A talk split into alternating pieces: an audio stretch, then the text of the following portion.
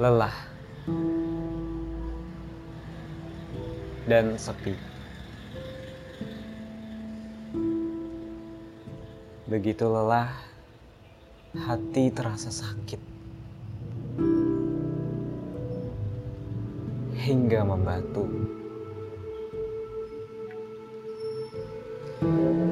Jari terasa kebas Lutut pun menggigil.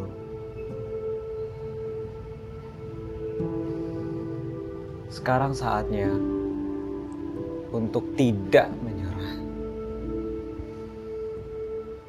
Puisi di atas ditulis oleh Dag Hammarskjöld, mantan sekretaris jenderal PBB yang menggambarkan depresi.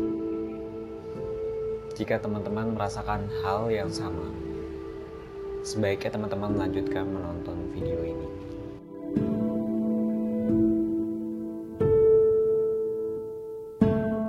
Stres atau tekanan batin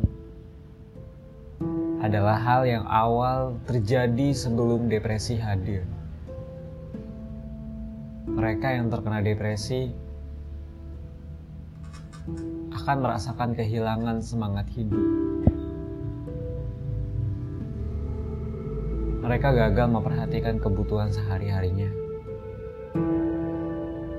Mereka duduk di kamar selama berjam-jam dalam keheningan.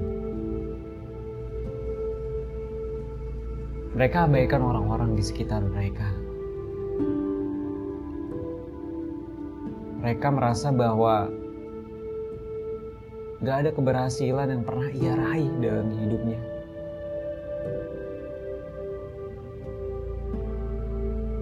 Mereka berpendapat hidupnya adalah rentanan, rentetan kegagalan yang mutlak. Tak jarang mereka berkesimpulan bahwa Tuhan telah meninggalkannya.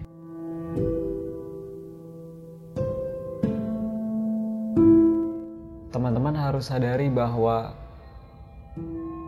depresi datang kepada siapa pun. Presiden, penulis, pelukis, ilmuwan, pemikir dan punjangga sekalipun. Mereka yang sudah berada di puncak karirnya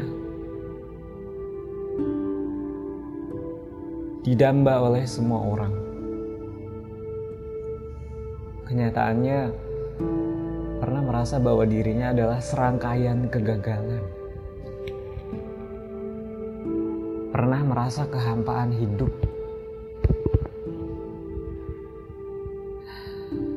Teman-teman,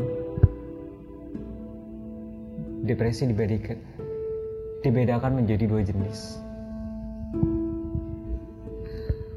Pertama, depresi reaktif yang ditimbulkan oleh faktor eksternal.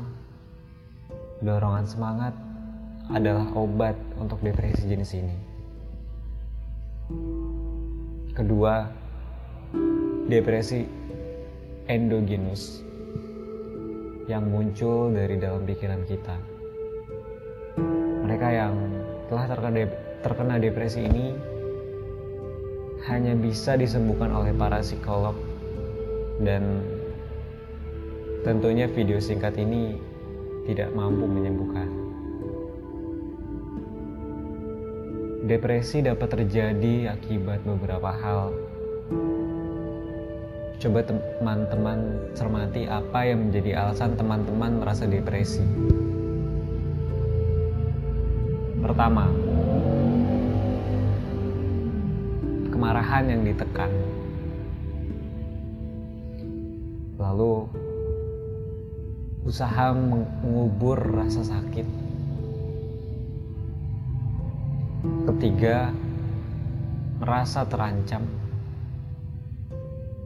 Keempat, depresi skizoid yang membuat penderita merasa kesepian.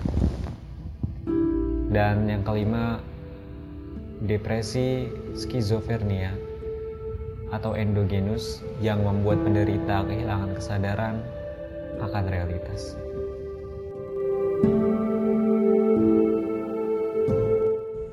Chester Bennington, vokalis Linkin Park, membunuh dirinya pada saat di puncak karir. Banyak pula artis Korea papan atas seperti Suli yang bernasib sama. Depresi hadir ketika rasa kecewa muncul berkepanjangan. Kecewa datang ketika harapan tak sesuai kenyataan. Mungkin ada yang berkata, bukannya kita harus punya cita-cita setinggi langit, supaya ketika kita jatuh, kita jatuh di antara bintang-bintang. Tentu, jika kita ingin berharap, boleh berharap tinggi, tapi harus lihat posisi kita. Jika kita posisinya di bumi, berharaplah bisa terbang ke awan. Jika posisi kita di awan, berharaplah bisa terbang keluar angkasa. Jika posisi kita di luar angkasa, berharaplah mampu menjelajah tata surya. Jika kita sudah mampu menjelajah tata surya, berharaplah mampu menjelajah antar bintang. Bayangkan jika kita melompati hukum harapan ini Ketika kita masih berpijak di bumi, kita berharap mampu menjelajah antar bintang. Lalu kita bersedih dan depresi. Patuhi hukum harapan ini. Buat harapan itu dalam jenjang-jenjang. Sehingga kita bisa menaikinya layaknya sebuah tangga. Jangan dibuat langsung tinggi layaknya tebing curam. Ingat,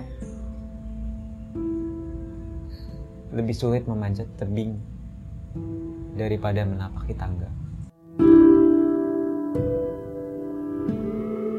Teman-teman, masih banyak yang akan kami bahas mengenai masalah stres. Saksikanlah pembahasan depresi di episode selanjutnya. Pertemuan singkat ini semoga bisa bermakna bagi teman-teman semua. Maka izinkanlah saya membacakan puisi mengenai masalah depresi.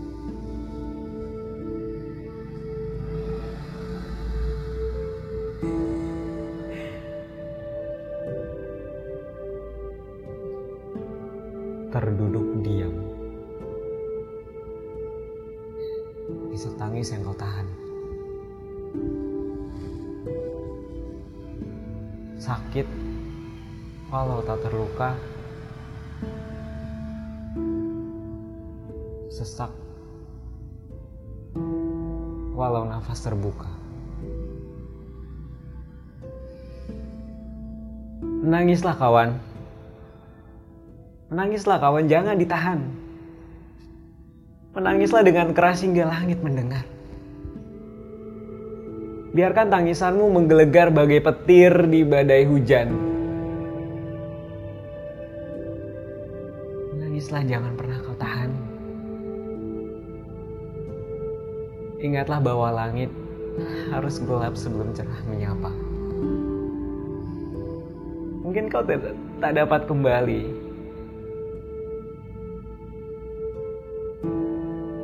tapi kau masih bisa berubah masa depan.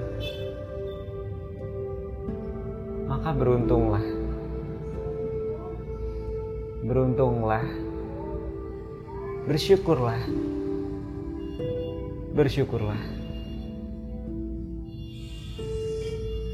Jangan menyerah. Sekali lagi jangan menyerah. Jangan dengarkan bisikan setan itu. Selama kau tetap masih hidup, Selama kau masih terbangun di pagi hari, maka berjuanglah. Berjuanglah. Yakinlah bahwa keberhasilan akan datang pada waktunya. Terima kasih sudah menonton dan mendengarkan program Generasi Z. Bagi kalian yang suka dengan program Generasi Z, silakan like, komen, dan subscribe di channel YouTube Reaksi Indonesia. Serta juga kalian bisa menfollow generasi Z di Spotify. Oke, okay, see you next time everyone. Stay healthy and bye-bye.